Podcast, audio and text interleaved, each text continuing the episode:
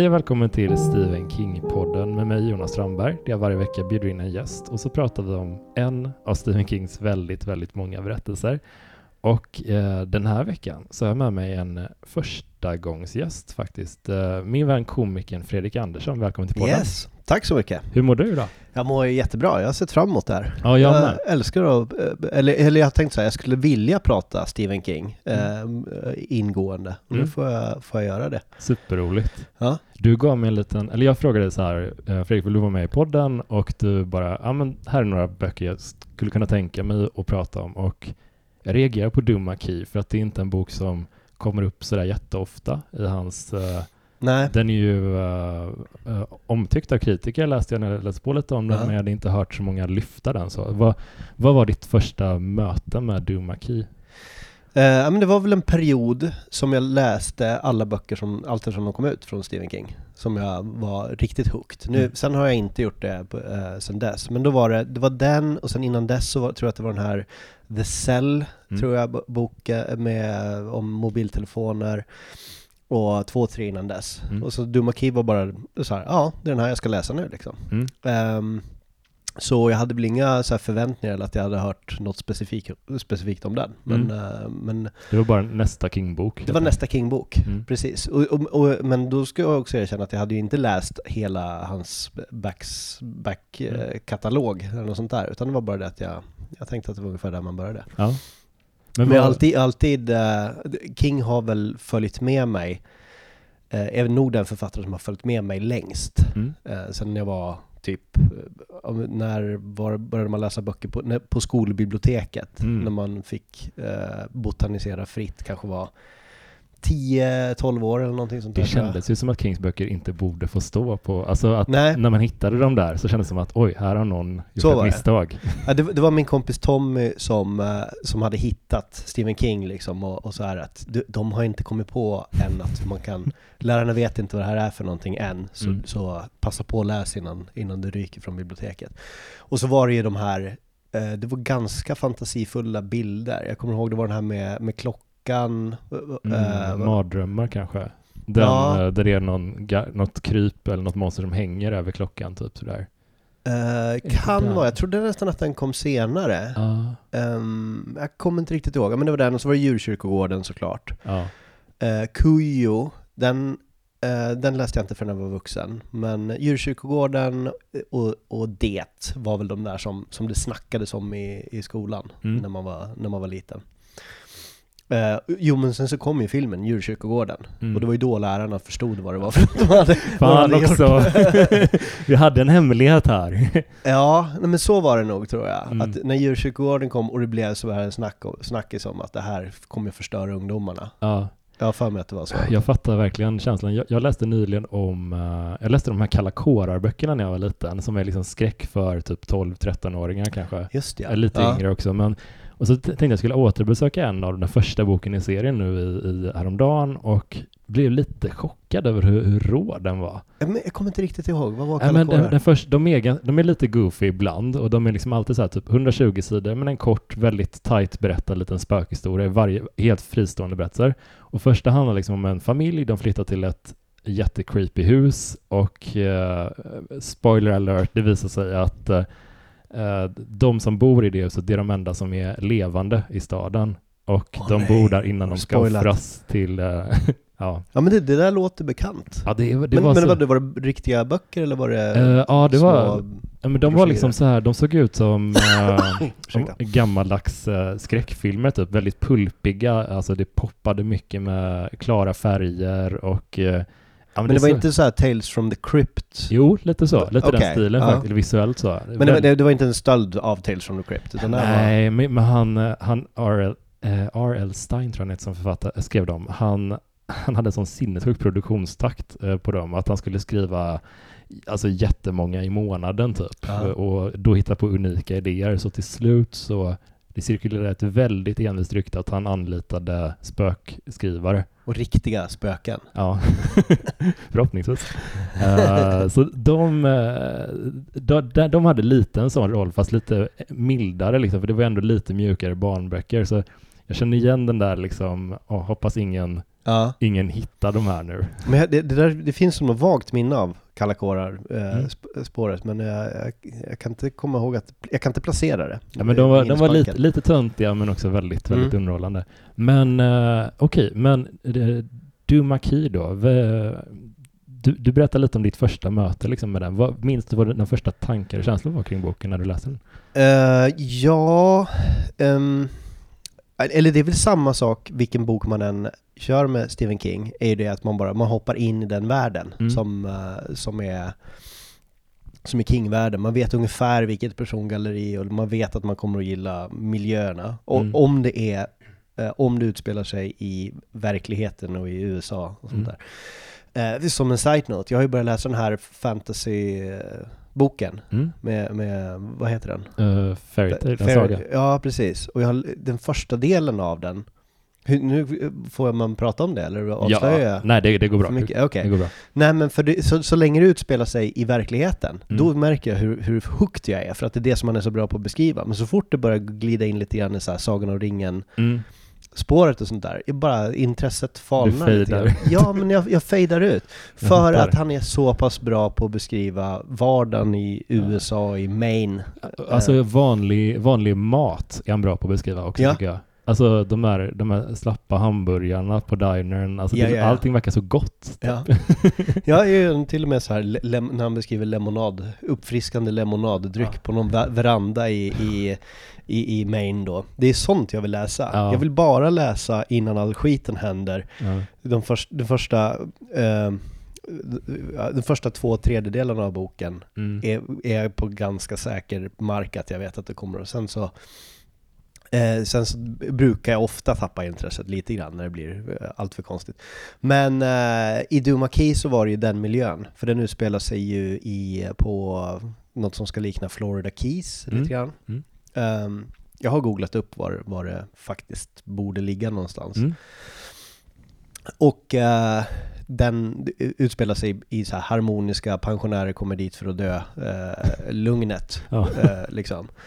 Och jag gillar det. Ja. det. Jag känner mig som, som mest hemma där. Ja, jag, Eh, jag håller verkligen med. Jag, jag hade aldrig läst den här före innan, innan vi skulle Nej. snacka om den och jag var helt så här överraskad av hur, eh, hur otroligt målande han var. Det känns nästan som att han sträckte på sig lite extra för att liksom jobba med miljöerna i den här boken men, med... men tror du inte att det var så att han åkte på semester och sen så bara skrev han ner vad han såg? Mm, ja, men jag tänker också att han, han är så van vid, uh, vid Maine, där han Mm. är liksom också bor och är uppvuxen och sådär, att han liksom inte Ja, men han gör det lite med vänsterhanden nu. Men här Mm. när han ska beskriva Florida och få det verka levande, då måste han liksom verkligen ta i så. Ah. Tänker jag bara liksom, men Ja, men det, är lite, det är lite udda med det här just miljö. Det låter lite ytligt när jag säger det så, men det, det gör så mycket med eh, den här boken. eh, Det är väldigt viktigt var den utspelar sig ändå, Ja. om man ska placera den i Kings vä- värld på något sätt. För att vi börjar, vi följer liksom huvudpersonen eh, Edgar Fremantle, som är en jätteförmögen, han äger ett byggföretag typ. Han är med om en jätteallvarlig olycka i början av boken. Han förlorar en arm. Och eh, det har liksom många effekter på honom. Han, eh, han börjar liksom få person, bli personligt förändrad. Han börjar liksom bråka och eh, attackera sin fru. Eh, och liksom på inrådan av sin läkare så ska han då rehabiliteras genom att eh, hyra ett dyrt hus i Florida. Just det. Och det är sån rolig eh, rehab-lösning, tänker jag. Ja. För att må bättre, du borde flytta till Florida och bo där. Eh, nej men ja, det, men det är väl logiskt? Eller? Ja, ja, har man, Ja, har ja. man ekonomiska möjligheter, Ja, absolut, precis. Absolut.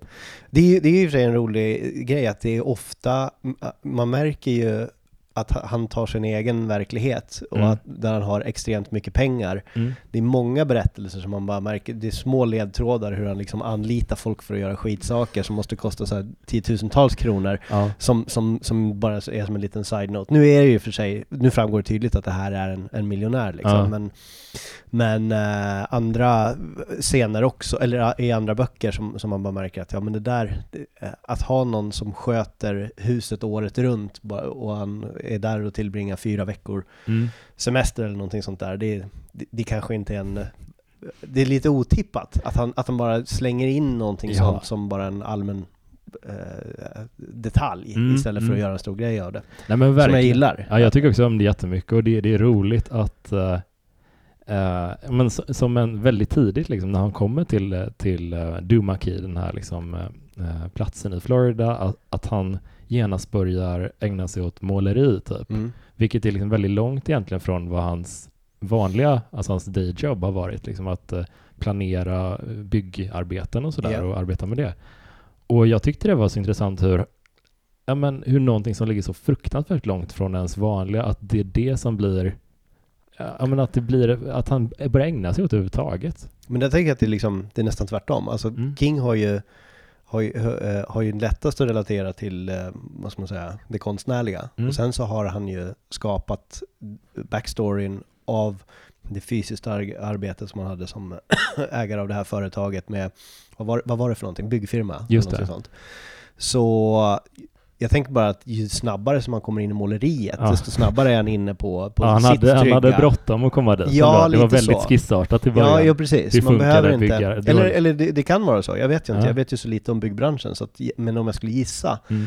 så skulle jag tro att det var mer skissartat. Och sen när han kom in i måleriet, då kunde han applicera allting som, som han hade tänkt ut när det gäller, Att när det var det det gäller han, skrivandet. han längtade efter att hamna där. Ja, eller åtminstone så blir det ganska naturligt att han kan beskriva det, eh, den verkligheten väldigt bra. Mm. För det gör han ju. Han, Mm. han beskriver det väldigt eh, bra. Sen, eh, jag, som sagt, jag älskar ju Stephen King eftersom jag har, eh, efter, uppenbarligen som jag läser så mycket av honom, men det är ju också väldigt mycket som man stör sig på Mm. med honom. Jag har ju så här pet peeves som, som, som, jag, som jag älskar ibland, Ja. och ibland liksom så blir det bara för mycket. Inte så där mycket som man, som, som Jan Guillou mycket, som, Mm. som jag tror vi pratade om förut, att eh, ja, men de, den typen av författare som alltid målar upp, eh, dels skriver in sig själva helt och hållet i karaktären och sen så målar upp en, en, en övermänniska som, som, som, som, eh, eh, som har superegenskaper på alla sätt och är helt omedveten om dem Ja. också och bara och alla går runt och hyllar dem eh, Ja. som en gud. Så att, eh, ja men Stig Larsson, eh, Millennietrilogin, Ja, det första, första där. boken där, eh, blev tokig på första boken. Ja. Jag, jag, jag, jag, var så arg. jag var så arg när jag läste De det. är så jävla Bara, självgoda. Det är, så, det är så självgott och det Ja. är så... Hur kan folk ha målat... Och dessutom... Ja, ja.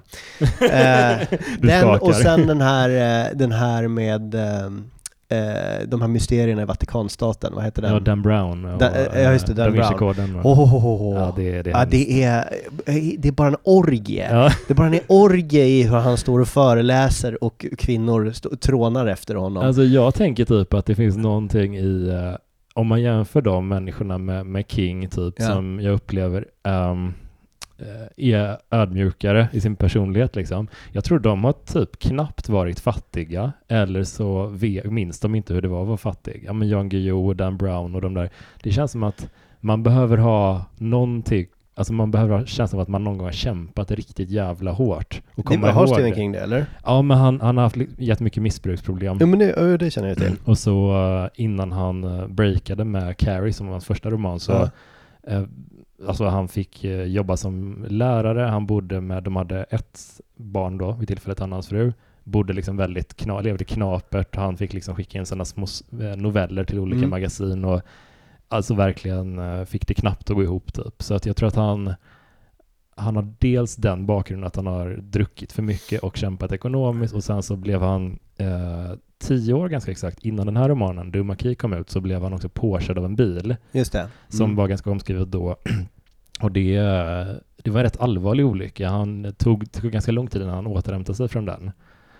Men jag, jag, jag, jag, jag förstår och tror också att det påverkar positivt. Mm. Men jag tror inte att det är det som är grejen här, utan jag tror Mm. att det är intelligens. Mm. Att, att han vet, Stephen King vet att han inte, han, han tillskriver läsarna den intelligensen som, som gör att han skulle stoppa sig själv innan han försökte göra det allt för övertydligt att, eh, Ja. liksom, det, det, jag, jag, tror att, jag tror att det är så enkelt, att han Mm. bara, han skulle läsa det Eller han skulle anlitat en redaktör som skulle sagt till honom och bara ah, nu har du gjort dig själv lite för ståtlig Ja. i den här grejen. Han Eh, har ändå ett, eh, några som vågar vara nej-sägare. jag tror det, jag tror Ja. det. Jag tror att han har redaktörer som är, som, som är ganska så hårda Ja. mot honom, eller åtminstone haft i perioder.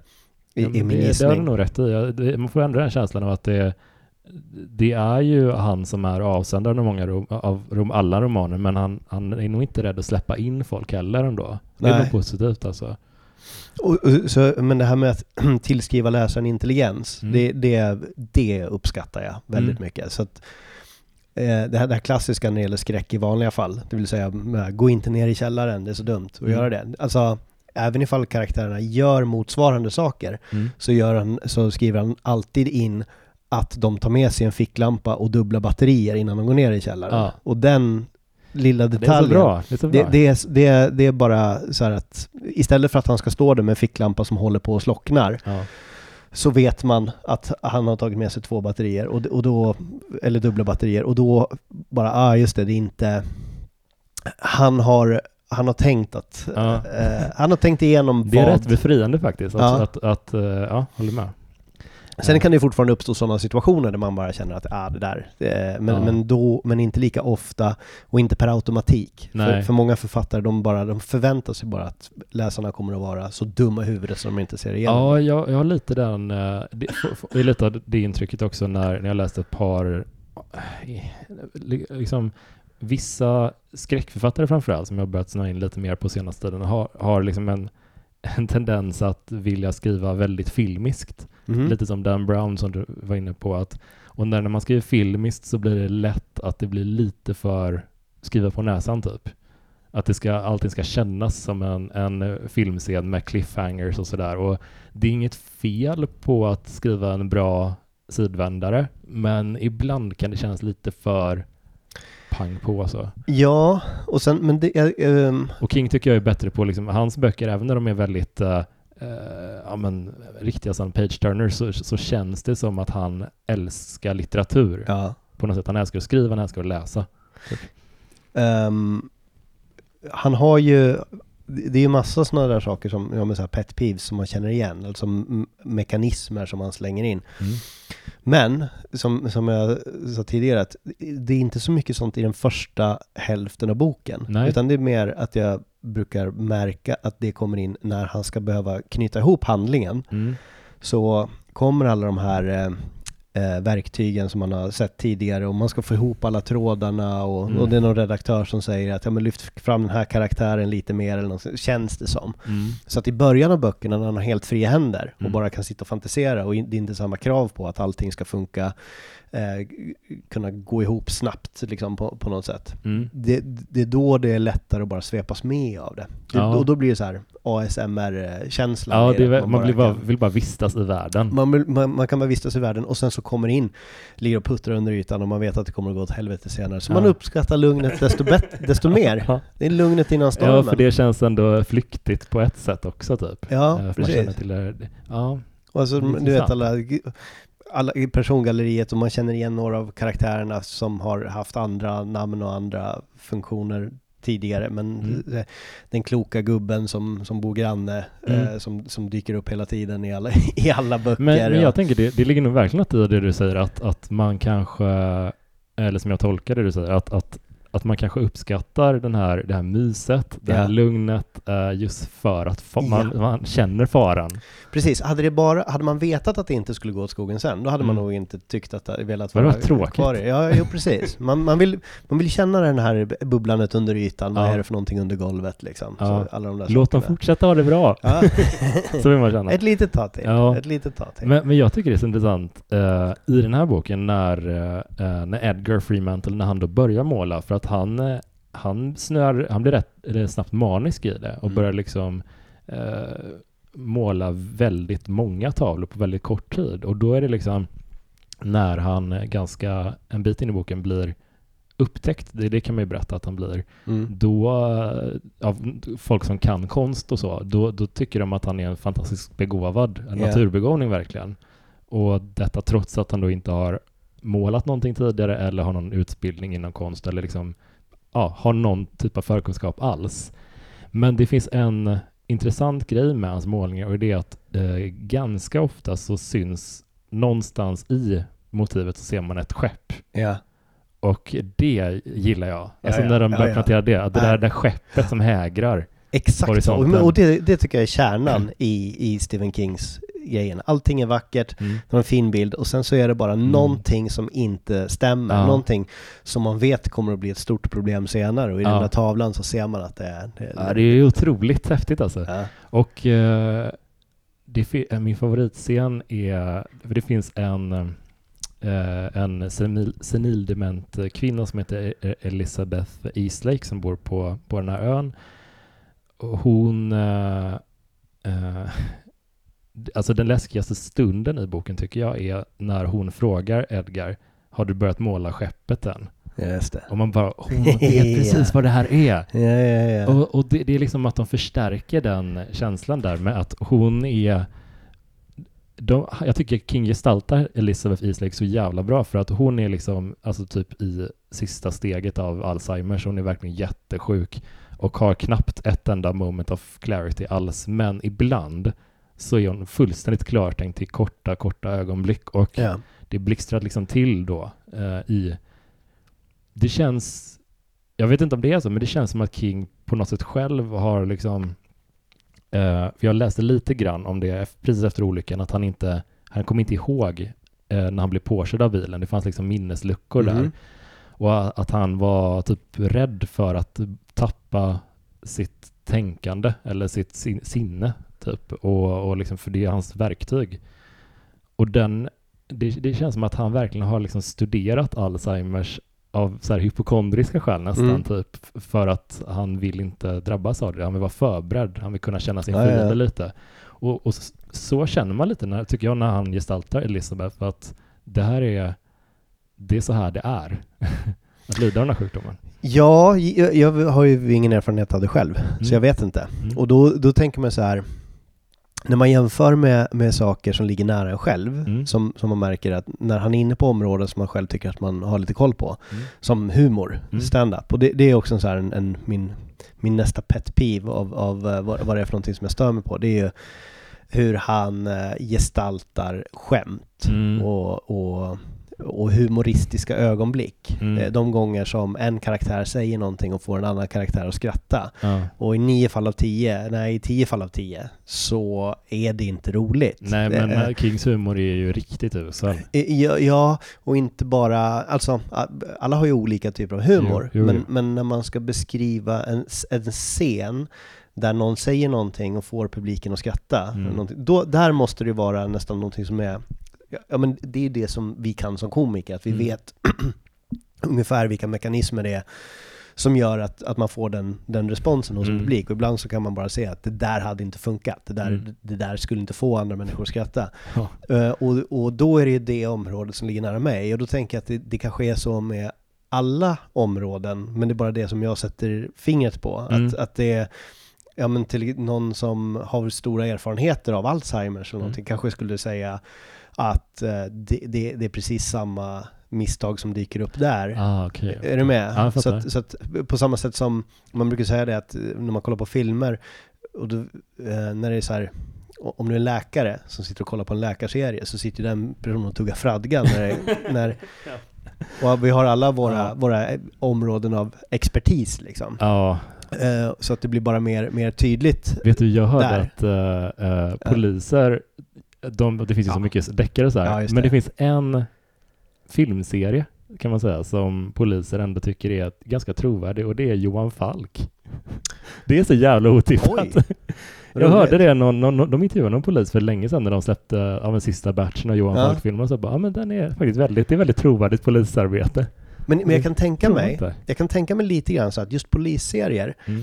är, det är som vanligt ämne. Mm. Så är det inte så att polisserier ändå kanske är lite närmare, eh, alltså det, det är större krav på en författare att få Mm. det rätt när det gäller polisserier Ja, än andra yrken för att eh, tittarna är så pass vana med saker. Ja, vi har sett vi, vi har mycket sett så mycket, vi har, det är så mycket krimpoddar och sådana saker så att, så att det är lättare att avslöja en felaktig beskrivning av yrket där ja. än, än inom andra områden. Så trots, jag, jag misstänker att trots att eh, poliser ändå sitter och tuggar fradga över det, så tror jag ändå att där ligger det lite närmare än när folk beskriver till exempel humorarbete, äh, ståuppkomikerarbetet. Ja. För där är det ju... Gud, jag kommer att tänka på det nu när du nämner just uh, humor, komiker och Stephen King uh, på den andra It-filmen av ja. de nyare då liksom. Det finns en scen där som jag liksom stör mig så jävla mycket på. Det är ja. Bill Hader, fantastisk skådespelare, spelar en vuxen version av en av de här kidsen som blir utsatta för Pennywise. Aha, och alltså han är briljant i rollen, men det finns en scen där i början av andra filmen där yeah. han, eh, eh, hans, han har, kör någon egen typ soloturné i en teater yeah. och, och, det är liksom folk som har kommit hit för honom, vi ser affischer på honom utanför och sådär. Han står på scen och kommer lite, lite av sig, ett kort ögonblick bara, och blir direkt råhäcklad ja, av publiken. Ja. Och bara, men det där Alltså folk som har betalat ja. liksom dyra pengar för att komma dit, skulle de, in, skulle de reagera så fientligt mot en komiker? Nej. Det känns så jävla sjukt bara. Det, är, det är som att det var en, en Big Ben-kväll, alltså en, mm. en mindre gratisklubb i Stockholm. Men det, jag tänker, det är det vi reagerar på. Ja. Men precis samma sak skulle jag då misstänka att det skulle mm. vara ifall man, eh, ifall man eh, hade någon, något annat område som man mm. hade läst in sig på väldigt mycket. Ja, det, ja, det, att det, det kanske är Alzheimers. Det är, svårt, det är svårt att bedöma. Jag kan inte bedöma hur... Nej, inte jag heller med. helt. Men, men just att hon, eh, hon är så... Eh, ja, men jag också. Jag inte heller, har inte den professionella bedömningen, men det, hon, hon känns liksom, magkänslan är liksom att hon är så här... Uh, hon är en... hon är någon typ av motor lite grann för berättelsen också, för att ja. vi vet vad hon... Vi får gradvis veta lite vad hon har varit med om som yeah. ung.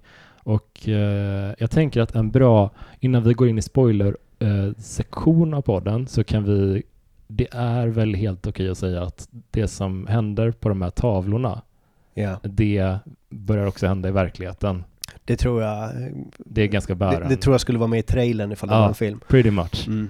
Eh, men jo, det var något jag tänkte på på tal om vilka karaktärer som, som är otippat starka, mm. då skulle jag säga att den, den, den mest otippade karaktären mm. i, i boken är hans fru. Mm. För hon är väldigt... Uh, nu vet jag inte hur mycket jag kan säga heller utan att spoila, men... Uh, men vi kan gå in i spoiler-territorium nu tycker jag. Okej. Okay. det är nog okej. Okay. Uh, och man får hur mycket som helst? Eller? 100 procent. Ja, okej. Okay. Uh, men hon, hon, hon börjar ju som bara i början av boken så är hon ju bara eh, den här personen som reagerar på hans förvandling och mm. som reagerar på ett, på ett sunt sätt. Liksom. Han, de, de har varit gifta, han börjar bete sig eh, sjukt mot henne mm. och till sist så orkar hon inte mer och, liksom, och, och vill skilja sig från honom. Mm. Eh, men sen så allt eftersom eh, det går vidare så har hon ändå en hel del så os, riktigt osympatiska sidor utan att det driver handlingen framåt. Utan mm. att det mm. bara är, det, det bara flashar förbi liksom att uh, vissa sidor hos henne är bara djupt osympatiska och sen så, vis, ja. så är, är hon ju otrogen med hans bästa vän eller någonting sånt ja. Men, men den, hennes karaktär har inte jag sett i hans andra böcker på samma sätt. Det där liksom. För Nej. annars är det lite copy-paste på, på vissa Nej men jag, jag tycker att det är intressant för att han brukar vara ganska Eh, han brukar inte göra, King brukar inte göra kvinnor Nej. till den typen av skurkar Nej. på det sättet. Hon är lite platt som Han brukar göra skurkar om, det är, om de är riktigt bad, om det, liksom ja. är, om ja. det är ondskan personifierad. Ja men Lida i Misery, liksom, Kathy Bates liksom, i filmen, hon är ju verkligen så här, hon är en typ fyrdimensionell karaktär. Ja. Hon är så jävla, man förstår henne också typ. Alltså, hon är så vackert uppmålad och tragisk och på alla sätt. Men här är ju liksom Pam, tror jag hans fru heter, Just det. Äh, Fremantle, att hon är liksom, äh, hon är hon är en ganska hemsk person. Alltså. Ja, och, och, och man kan ändå förstå, man kan ändå förstå hur relationen funkar. Ja. Men, men den, ehm, det är bara en en uh, djupt, det, det, hennes dåliga sidor överskuggar hennes positiva sidor, mm. så som man uppfattar det. Och det känns som en riktig människa jämfört med till exempel hans dotter, som, som det känns som, som det bara är rekvisita som, ska, som, som är till för att dö i slutet, så mm. som ska bli sorgligt. Mm. Medan uh, frun Gud, att, Det är en intressant grej, för när uh, Ilse, tror jag, hans dotter, yeah. dör i slutet, jag kände nästan ingenting. Nej. Inte ett skvatt. Det var, det var lite... Det var, en, det var en befrielse. ja, men en karaktär som vi stryker ifrån. Nej, men jag, jag var lite överraskad hur jag har ändå varit med och engagerad i berättelsen. Det är inte så att jag tyckte den boken var tråkig, men jag kände verkligen att... Och han, eh, Free Edgar, han bryr sig typ inte jättemycket Nej, heller. nej, det var. Det var jättekonstigt hur lite han faktiskt... men först, först fruktansvärt, fruktansvärt. Ja. Sen går det två scener och sen så håller han på ändå på att skämta Ja. med sina kompisar. Liksom, det, det har nästan ingen bäring för... för det. I och för sig, om man ska vara helt ärlig, så kanske livet faktiskt skulle vara så på riktigt. Alltså Mm. att, att trots att det har hänt någonting fruktansvärt så går det ändå eh, två veckor och sen så börjar man dra några skämt med, med Mm. sina kompisar. Ja. Dåliga skämt eftersom det är Stephen King. Men ändå, skämt. Ja. Så, eh, så, men det är okaraktäristiskt för, för, för, del, för berättelsen i sig och för hur han brukar skriva i vanliga fall. Det känns nästan Ja. som att han själv la in henne eh, bara för att, Men ju- för att ha en hjärtknipande scen när, när en, en oskyldig flicka dör. Ja, alltså för, för jag var lite överraskad när den scenen kom och dels eh, att ja, visade sig att båda vi var ganska likgiltiga för den scenen och att Edgar själv också är Men vi det. kanske är hemska människor i Kan- sig, det är mycket vara möjligt, precis som Edgar då. eh, Men eh, att eh, jag tycker inte King är så man, när någon har jag tycker inte att King är så likgiltig eh, inför andra gånger när han har låtit någon dö. Absolut inte. Det- jag det menar, djurkyrkogården, Mm, det det, det var ju... Ja, Alltså allt betyder, all, Ja. när någon dör, det betyder alltid någonting och det är liksom eh, jag, Men, men det var ju meningen Mm. att man skulle känna en massa i, i den här. Det var ju, Ja. Hon hade ju den funktionen men, men den fick bara inte den effekten. Men jag tänkte lite på det för att jag, jag läste lite bakgrunden kring den här boken och eh, eh, jag även Och han på- hade faktiskt förlorat en dotter som Ja, han inte älskade. Nej, men så, så här. ehm, den här boken är skriven då 2009, tio år efter den här eh, olyckan som vi nämnde tidigare. Och eh, en annan bok, eh, Drömfångare, som kom Mm. 99, ja, den kom liksom, den skrev, nej han skrev den precis när han gick på Oxycontin, sådana smärtstillande tabletter, Ja. från olyckan. Och de tabletterna har också en effekt att man inte blir helt klar i skallen Mm. typ. Och det märker man jättemycket när man läser Drömfångare. Det är en sån det är en bok som kanske han skrev för att ja, han är ju författare, han måste ju tillbaka till skrivandet. Aha. Fast han var fortfarande eh, väldigt mycket i återhämtningsstadiet. Eh, här, tio år senare, så känns det som att King har en annan klarhet i skallen, han har en annan distans till den här olyckan. Så jag tolkar det lite som att den här romanen då är liksom ett sätt för honom att eh, ja, men bearbeta den, det som hände, den här olyckan, fast på ett nyktert sätt. För nu är han inte, går han inte på Oxycontins. Han, är liksom, han har fått några års distans till det som hände. Och eh, eftersom den är så självcentrerad, det, det handlar om Mm. King, upplever jag, då är, det, är också Edgar Freemantle väldigt självcentrerad. Det är därför det fokus ligger bara på honom och Ja. hans känslor och upplevelser.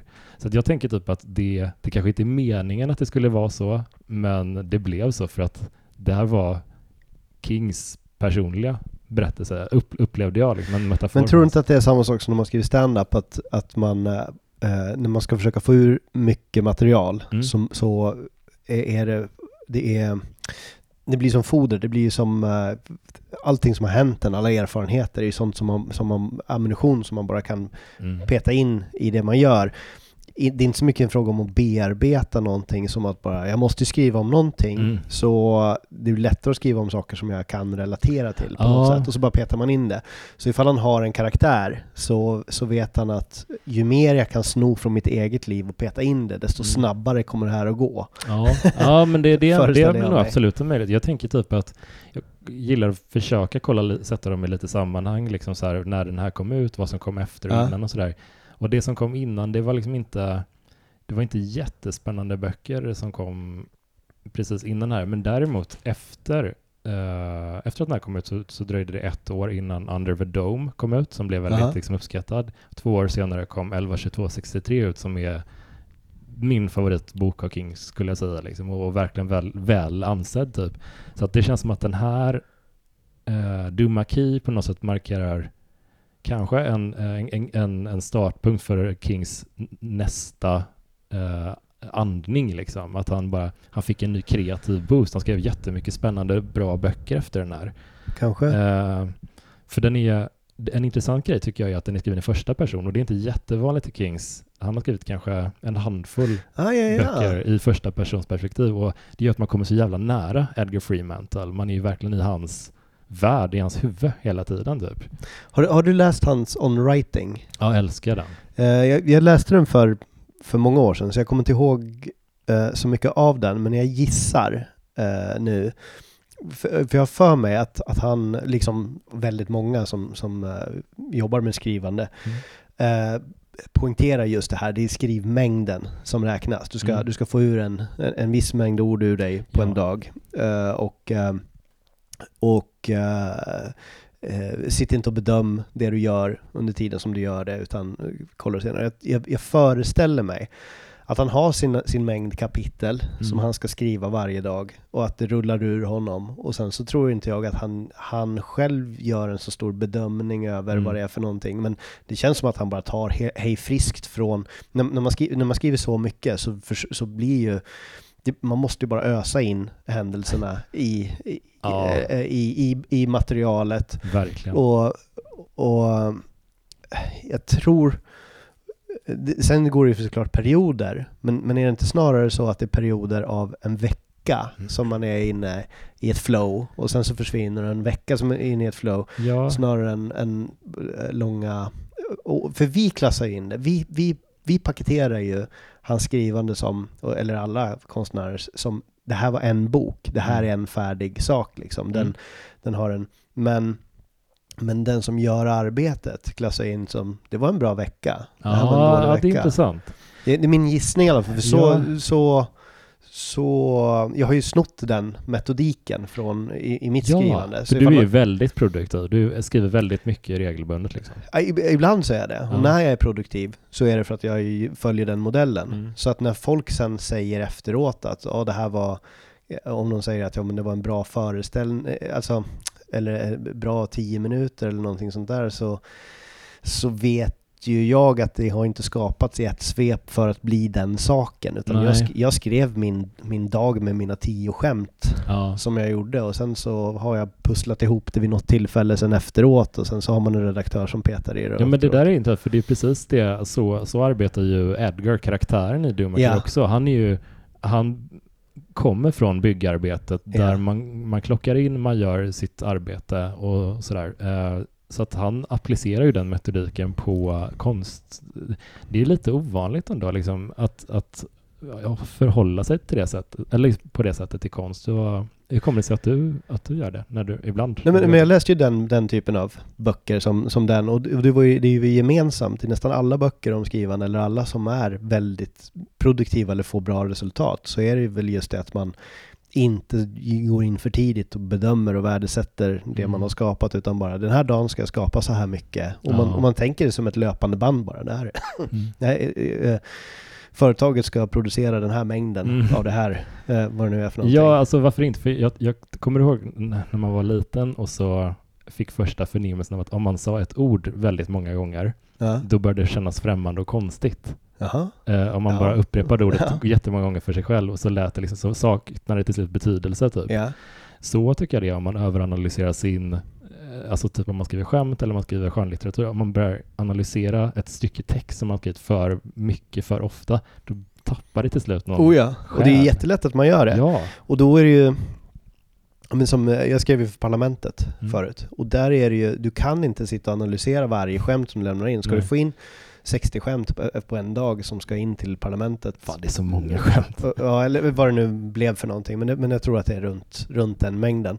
Då måste du acceptera att en del av de här grejerna kommer du hata. De du kommer att titta på dem och bara det här är så. Och, och ju mer man bara kan släppa taget om det när man skriver och bara tänka att ja, men det är någon senare, längre fram i ledet som får ta, ta ställning till det. Mm. Och som Stephen King då har en redaktör Mm. som säger att eh, ja, nu har du skrivit jättemycket här, kan vi få ner det till två tredjedelar av det och så tar vi bort det sämsta. liksom. Mm. Så som jag gissar att det, det måste gå till då för Ja men det, det känns så intressant att, att det, det är kul att prata eh, eh, om, om det, den processen med dig för att det, det benämns ju ofta, eller liksom regelbundet i boken, typ varannat kapitel ungefär är, heter typ eh, How to draw a painting Mm, Just det. Eh, och där går, går liksom King in ganska mycket på liksom ja, men skapandet typ. Men Mm. den passagen med de här How to draw a painting, den var, när han pratar om måleriet, sitt eget måleri, liksom Mm. hur han gör det, då är det ju, då, då går han ju liksom enligt, eh, enligt den metodiken som han själv faktiskt brukar använda. Mm. Men i den, i den där side-note-grejen, How to draw painting, Mm. där, där pratar han inte på det sättet. Nej. Utan där är det mer som det där barnet uppfattar eller liksom från det här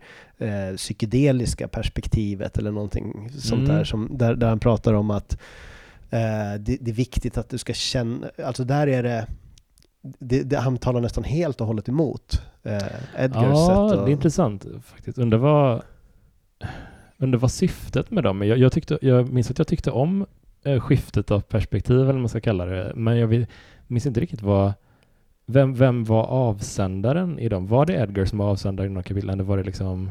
Alltså jag skulle nästan tro att det var, var en efterpaketering av Ja. det på något sätt. För, att, för, att, för, för det var ju ofta tidsresor Mm. inpaketerat i den. När han, beskriver ett händelseförlopp från Elizabeths Mm. eh, barndom. Mm. Och då känns det som att han nästan krystade ihop det för att kunna få det att fungera som en, som en egen enhet. Ja, just det. Ja. För det, det kändes inte alls som hans faktiska övertygelse om hur man, hur man skapar någonting. Nej, nej. Nej, det var också lite, stod också i viss kontrast till hur ja, men Edgar, han, han bara målar. Det, det är verkligen Ja. en sån Ingmar Stenmark-approach. Ja. Det är bara åk. Alltså det, det är inte, han håller någon typ av föreläsning. Medan de här kapitlen, var så här, känn, känn djupt inom dig själv och kanalisera och allt det där. Fan, det är allt det som intressant. Alltså, jag- gör. Ja, ja, de är, de är lite, konstiga ändå. Eh, ja. Där, där, där, där skyller jag på redaktören. Ja. En redaktör som sa de här tillbakablickarna, vi måste göra det lite mer, eh, hotta upp det Mm. på något sätt. Ja. Gör, skriv det som att det är en instruktionsbok för hur man målar. Just det. Ja. Vad tycker du om karaktären inom citationstecken Percy? Eller måste uttala hennes Ah, namn? just det. Ondskan. Ja, precis. Ehm, det är också någonting som är, som med, en av mina pet peeves med eh, Stephen King. Det är Mm. när ondskekaraktärerna får de här personlighetsdragen som, eh, som ska vara ondskefulla men samtidigt som är lite grann åt konstiga, typiska eh, mänskliga beteenden. Som It-clownen har några drag som är Eh, nu har inte, i i Percys fall så är det inte det, men det här med de här fraserna som upprepas hela tiden Mm. i, i Kings böcker. Det, han, han hakar upp sig på en, ett citat eller en fras och sen så gör han om den lite grann och sen så får karaktären ha den i huvudet som Mm. spelas upp hela tiden om och om igen. Eh, nu kommer jag inte på något konkret exempel, men det dyker upp flera gånger i, i den här berättelsen. Mm.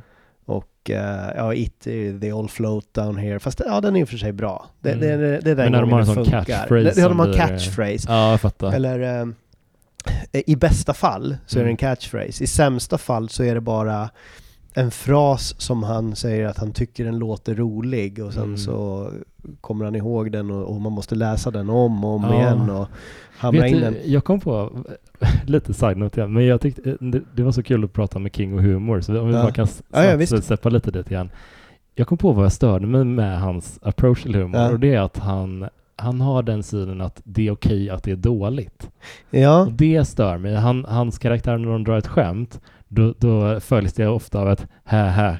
Just det. Lite som en, en Mm. jag vet att det här är en dum ordvits, men här är den ändå. Ja, Ja, men om du tycker den är dum, varför, varför säger du den då? precis. Säg något du tycker, tycker är roligt. Det är mycket så här, jag vet inte varför jag tyckte det var hysteriskt roligt just då, men vi skrattade som aldrig förr eller Ja, någonting sånt. Ja, Och det tror jag är en, eh, en, eh, en, ett skyddsnät Mm. för att inte behöva stå för att han inte kunde skriva det där skämtet. ja, Eh, känns det som. ja, för så är det ibland på Twitter typ som väl har två dagar kvar att leva när vi spelar in det här.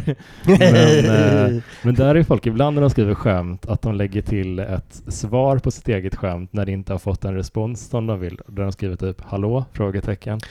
Eh, ja, den eller en, så här, jag hittar ut själv, Ja. eller eh, är den här mikrofonen på eller ja, sluta. Mm. Nej, nej, men jag, jag har inte något problem med att det används vid något enstaka tillfälle. Nej. Men det blir ens go-to hela tiden. Ja, Så, och att det blir ens, hela ens syn på humor nästan, att det symboliseras av den.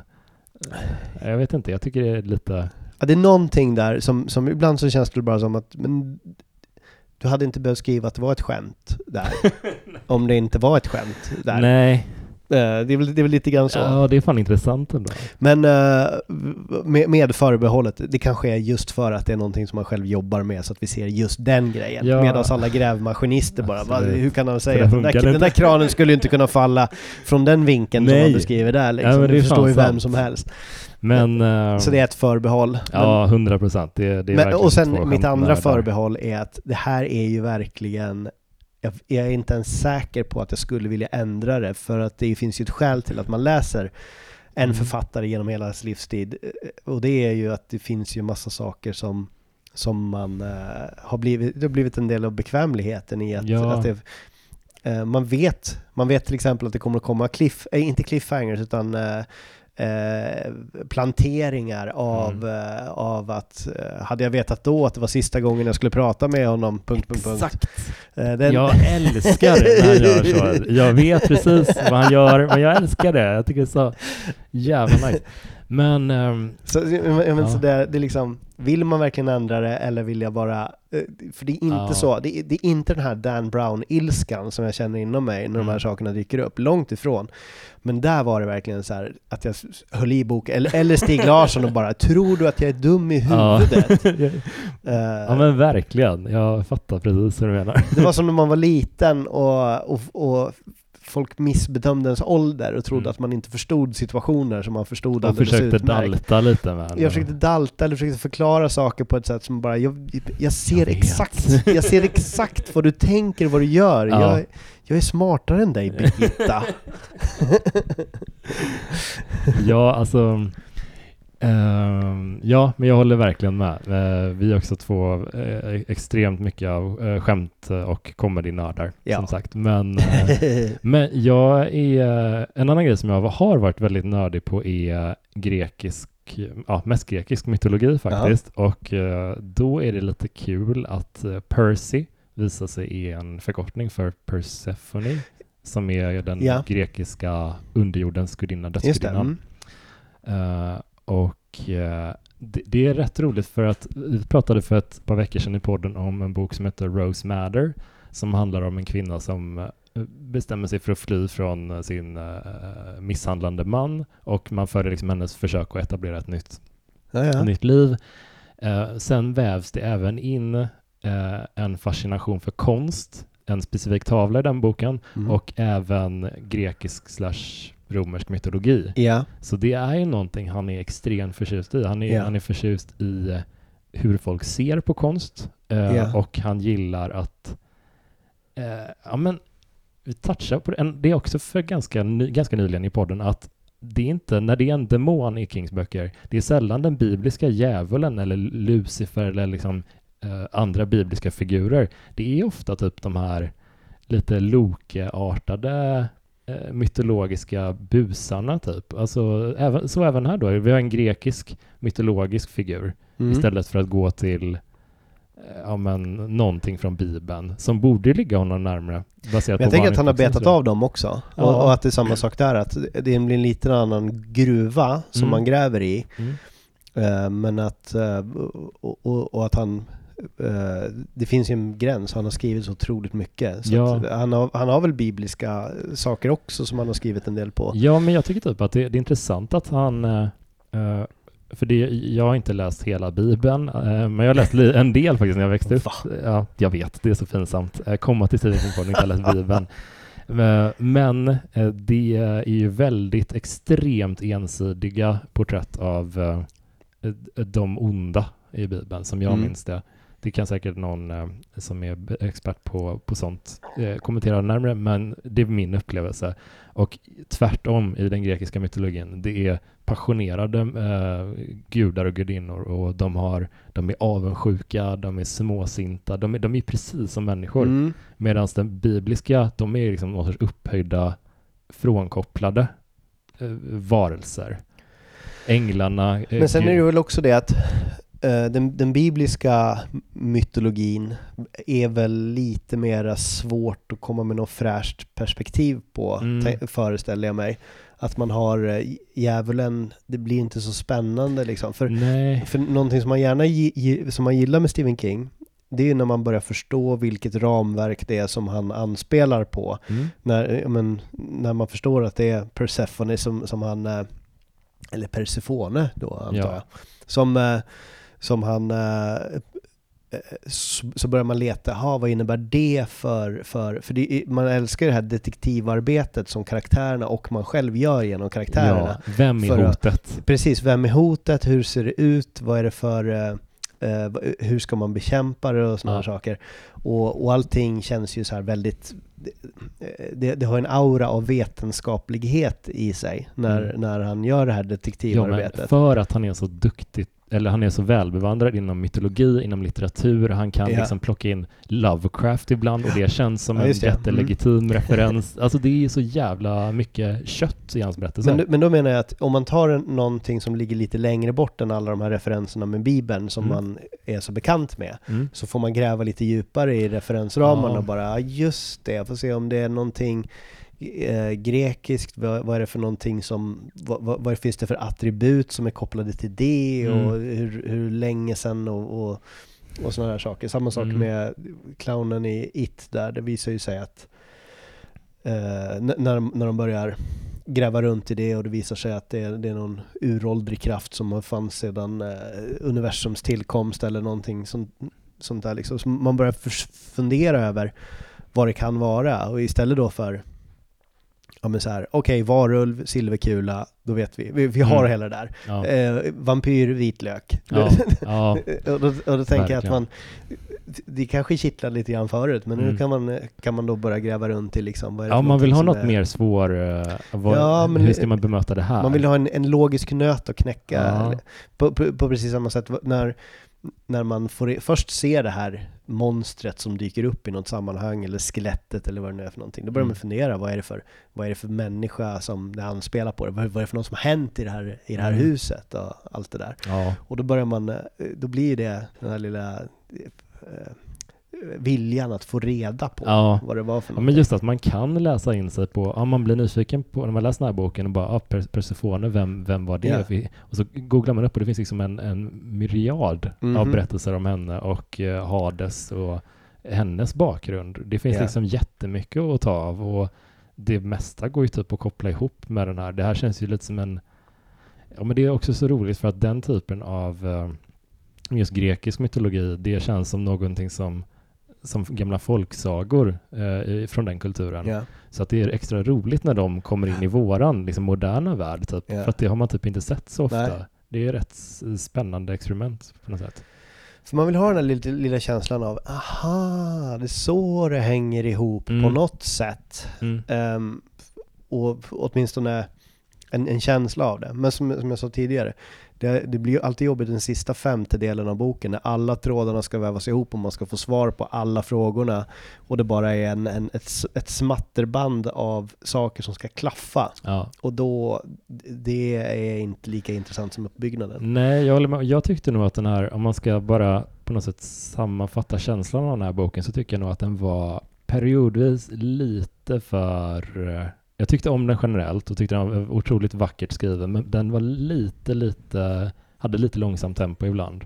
För att man var så mycket bara med Edgar och i Mm. hans huvud. Och jag tycker lite att det blir, eh, när det är en person som har strålkastarljuset så mycket som han har, då blir det lite grann att lite flytande för att vi tillbringar så mycket tid med hans tankar typ och så. Men, men eh, det är det jag gillar. Okej. Jag, gillar jag älskar med att Stephen King kan slå ihjäl så mycket tid Mm. i, i situationer som inte leder någonstans. Och man Mm. vet inte exakt, i i början åtminstone, vet man ju inte vilken av alla de här detaljerna som kommer att behövas för historien. Nej. Och vilka saker som bara är att de pratar medan de hämtar ut saft ur kylskåpet. Ja, Och den, eh, den ovissheten gillar jag. Och sen Mm. så behöver jag inte få en payoff på varje etablerad situation. Utan jag, jag trivs bra att bara få, ja. få, få, få svepa med så länge som möjligt. Ja, men den är ju, Nästan. väldigt, den är ju behaglig att vara Ja. Och jag tycker också att det, den är rolig på det sättet att det känns som en sån eh, det känns som en sån flex av King, att visa, kolla jag kan skriva sånt här också. Ja. Det, här, den är, det är en ganska avancerad roman ändå. Den är,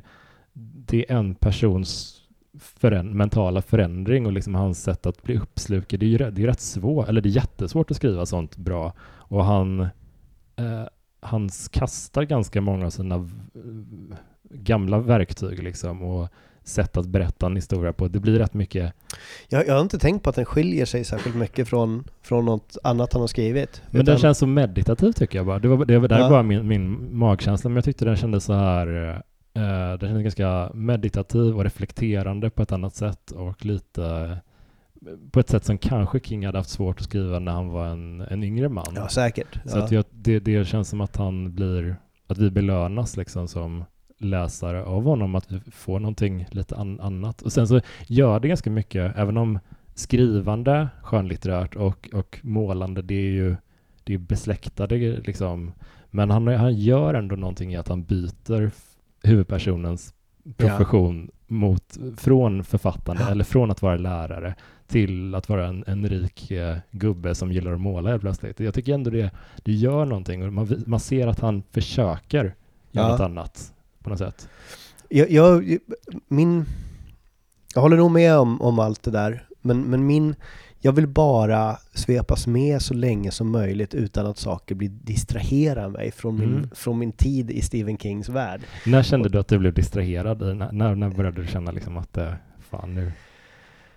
Ehm, För jag, jag tyckte kanske att det när Elisabeth var på den här eh, eh, visningen som eh, Edgar hade, liksom, där hans, ta- hans tavlor blir snabbt omskrivna och han blir liksom så här eh, hypad och då får hon en stroke på den visningen ja, eh, och då kände jag lite att nu, eh, nu accelereras det på något Ja. sätt. jo, där, Den- jag håller med. Det var nog Mm. faktiskt precis där omkring. Inte så mycket för att av något annat skäl än just att det blev, allting skulle komprimeras in och händelserna skulle Ja men det kändes som att, att han hoppade upp två växlar liksom. Mm. Det var lite för snabbt därifrån. Så kan, Kanske. kanske. så.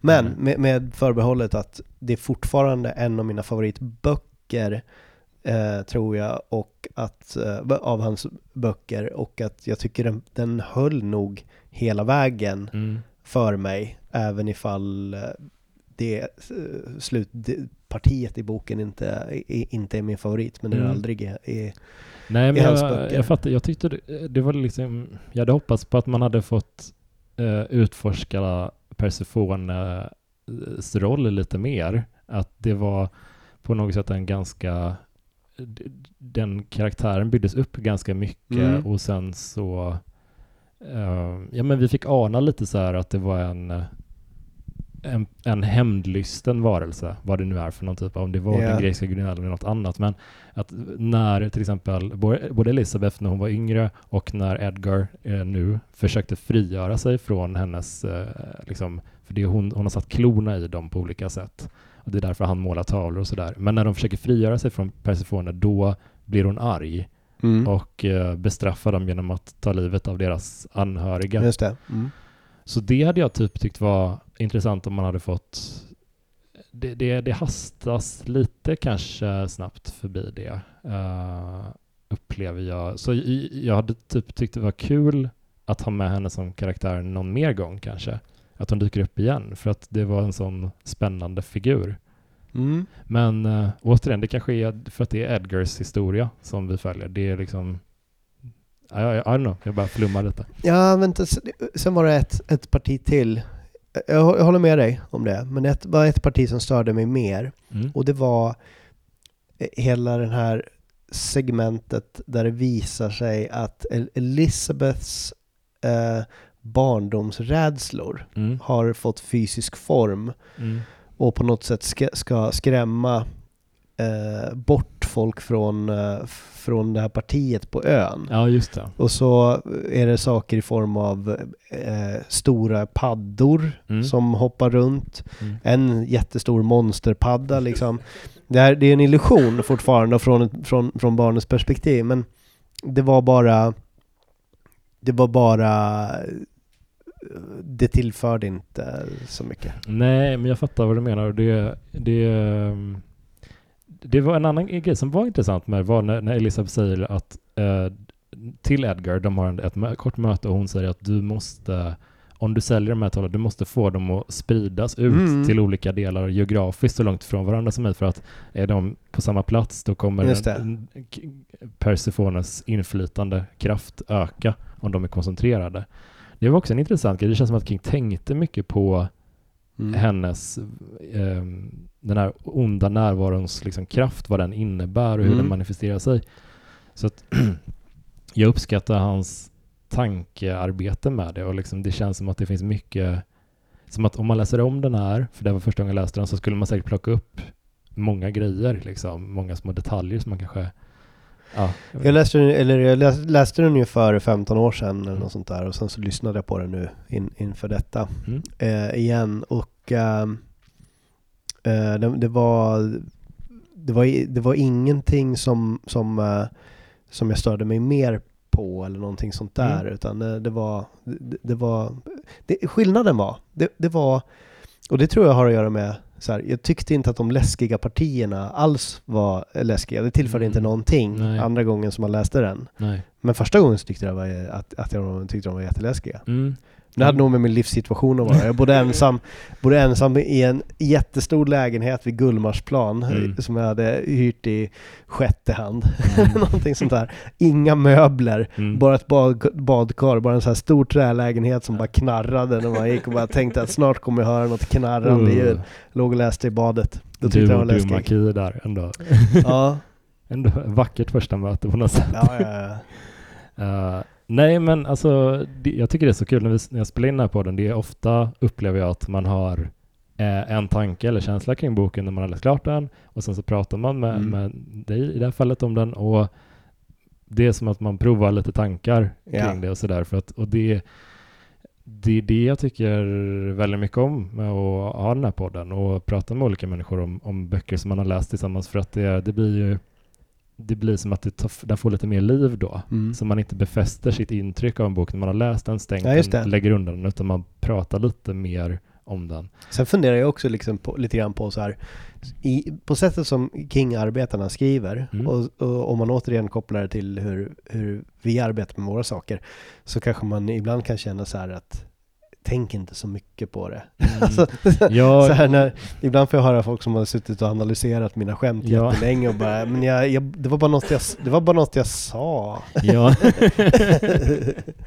Nej men verkligen, och jag tyckte, jag tyckte mycket om den här boken också. Det, det är väl bara liksom att när man, när man tänker på att man ska prata om den i en podd så tänker man på detaljer på ett annat sätt. Ja. Liksom. Men jag tyckte överlag att den var otroligt välskriven och eh, väldigt så här invaggande. Man kände Mm. verkligen att det var en eh, säker hand som har skrivit den här berättelsen. Mm. Att det, samtidigt kändes det, kanske bara i min tolkning, men det, jag upplevde det som att det var att vi fick följa med lite i Kings bearbetning på något sätt. Att han bearbetar olika på ett nyktert sätt typ. Och, eh, spännande att se dem göra något nytt. Alltid när man läser så mycket av en författare så är det alltid kul bara, ah shit, det här udda perspektiv liksom. Jag, jag, jag, som sagt, jag har inte tänkt på att den stack ut på något speciellt håll mer än någon annan Mm. eh, bok. För jag tycker de har varit ganska så här, sp- spretiga eller otippade vägar som... Men du läste mycket King typ under den perioden där några år. Då kanske de, eh, de som kom ut i tät följd där. För det var så jag kom in på King också, fast lite senare. Så att man, eh, jag började läsa honom när typ eh, 11, 22, 63 och Under the Dome kom. Ja, okej. Och Mm. läste honom i typ tre år då. Mm. Så det var min liksom Ja. så. Så det, det är ju typ mitt intryck av King. Det är den. Jag har gjort sporadiska nedhopp under, Mm. under min läsbara tid liksom. Mm. Mm. Ehm, och med undantag från en period där jag, då, då jag läste allting som kom ut. Eh, så att jag tror, och det, och det kanske har gjort att jag upplever det som, som att det är stor variation i dem. Men om Mm. man kanske stannar till vid något eh, speciellt år eller några år så kanske man skulle kunna se en trend i just de sakerna. där. Men jag, jag tycker typ att om den här, den här boken har kanske två syskon som jag bara kommer på spontant nu och det är Rose Matter, Mhm. tidigare, PGA, eh, konstskildringen och den grekiska mytologin och sen även Bag of Bones ja! som är en fantastisk roman som Ja. är eh, alltså mycket att köra fast kreativt, eh, att eh, sörja en anhörig, en anhörig, att försöka starta livet igen, eh, att dölja sin sorg. Alltså det är mycket sådana här jättesofistikerade teman liksom och den är jätte, jättebra och den här känns lite besläktad med den. Ja. Fast på ett, ja. Men, men även till den yttre ramhandlingen med liksom hus och Mm. sommar och Absolut, och ändå en viss isolering i båda Mm. fallen där också. Jag tycker den är... Jag har- förväxlade dem eh, eh, Mm. Tidigare när jag skulle gå igenom vad, vad var det för något som, som hände i handlingen nu när jag skulle läsa den andra gången. Ja. Så, så, så visste jag inte riktigt vad som hörde till Bag of Bones och vad som var... Ja, men visst det påminner de mycket om Mm. varandra. Det, det är rätt, eh, det är lite olika typer av huvudpersoner bara, men eh, ja. Men vad tycker du om den sista, den sista hämnden från Edgar Freemantle? För då tyckte jag ändå att, fan det var, det kändes ändå som att det var en nice, hans sista tavla eh, som han målar. Det är, motivet är eh, Dumaki, hela ön, och en fruktansvärd storm som annalkar. ja, just ja. Så eh, jag tänkte att han vill bara förstöra den här ön, för han vet att det han målar kommer bli av och nu jävlar ska den här pissön få Just ja. för allting jag har fått utstå. Nej men den, eh, det, det, det kändes som ett rimligt sätt att knyta ihop säcken på. Ja. Ehm, det, det kändes väl som en... Och det hade väl etablerats lite tidigare också med att det var, hade varit någon fruktansvärd storm tidigare Ja. som hade ja, förändrat allting och, Ja. och, och så. ja, men det är också... Uh, förlåt, nu kom jag på Mm. en side-note här. Ehm, är det inte ett tema i det här med djurkyrkogården och i den här nu att han målar eller försöker, försöker vä- väcka liv i eh, någon som har dött Mm. och sen så när personen kommer tillbaka så är det inte som man har tänkt sig utan det är, Mm. det är, en, det är en ondskefull kraft som har manifesterat sig i, i och försöker ko- komma Just tillbaka det. till. Det, det kä- fick jag lite djurkyrkogården. Ja, men eh, faktiskt att han, han gör de här överträdelserna och bestraffas ändå det. Ja, och sen att man, att man, man vill för gärna, alldeles för gärna ta tillbaks någon och Mm. sen så, man vet, äh, äh, karaktärerna vet egentligen Mm. att det inte är samma eh, person som kommer att komma tillbaka, men Mm. att man inte bryr sig Nej, så det- det är mycket för att det är tillräckligt. Man, Man- går, man man, går mest på utseende. Ja. Ja, faktiskt. Nej, men jag tyckte det var, det var, det var ändå en, en, en resa att läsa den här. För att eh, Mm. det, jag upplever som sagt att den är lite, eh, lite, inte bortglömd, men att den, den, den bel- belönades med en massa fina priser tydligen när den kom och sådär, fick god kritik. Men Mm. det är kul att, att prata lite med, med någon om den också. Så det var extra kul att du som fastnade mycket för den. Ja, nej, men jag rekommenderar den eh, verkligen. Med, med, jag skulle nog säga att om man, eh, om man gillar att svepas med i, i eh, Stephen Kings världar, Mm. snarare än att om man bara är på jakt efter de här eh, skräckmomenten Mm. så är det definitivt inte rätt bok. Den är ganska sparsam på, på den fronten. Ändå. Ja, eh, det, det är den jämfört med, med hans eh, hans tidigaste grejer kanske. Ja, Som är så här nej, riktigt fruktansvärda. In your face. ja, men jag skulle nog inte kunna hoppa på den här som någon av mina första böcker utan man måste ha sett eh, eller läst Ja, de andra. Men ja. det är men samma sak med den 11, 22, 63 eller Ja. vad den heter. Den är, den är väl verkligen så här, då måste du Ja. verkligen ha... Ja, men det är också kul när, när jag läste den och blev så överraskad att King kunde skriva så bra i, i sin ål- höga ålder som jag upplevde det då. Oj, Nu har det gått 11 år till och han är fortfarande högst aktiv. Ja. Och eh, Eh, fortfarande en jätteduktig författare. Så att, ja. Oh, ja. Eh, men eh, ska vi runda av där? ja, Ja, det var jättekul att få prata Det var om det. eh, Duma Key med dig. Eh, och, tack för att jag fick prata av mig Ja, om den här det upplevelsen. var en bra debriefing.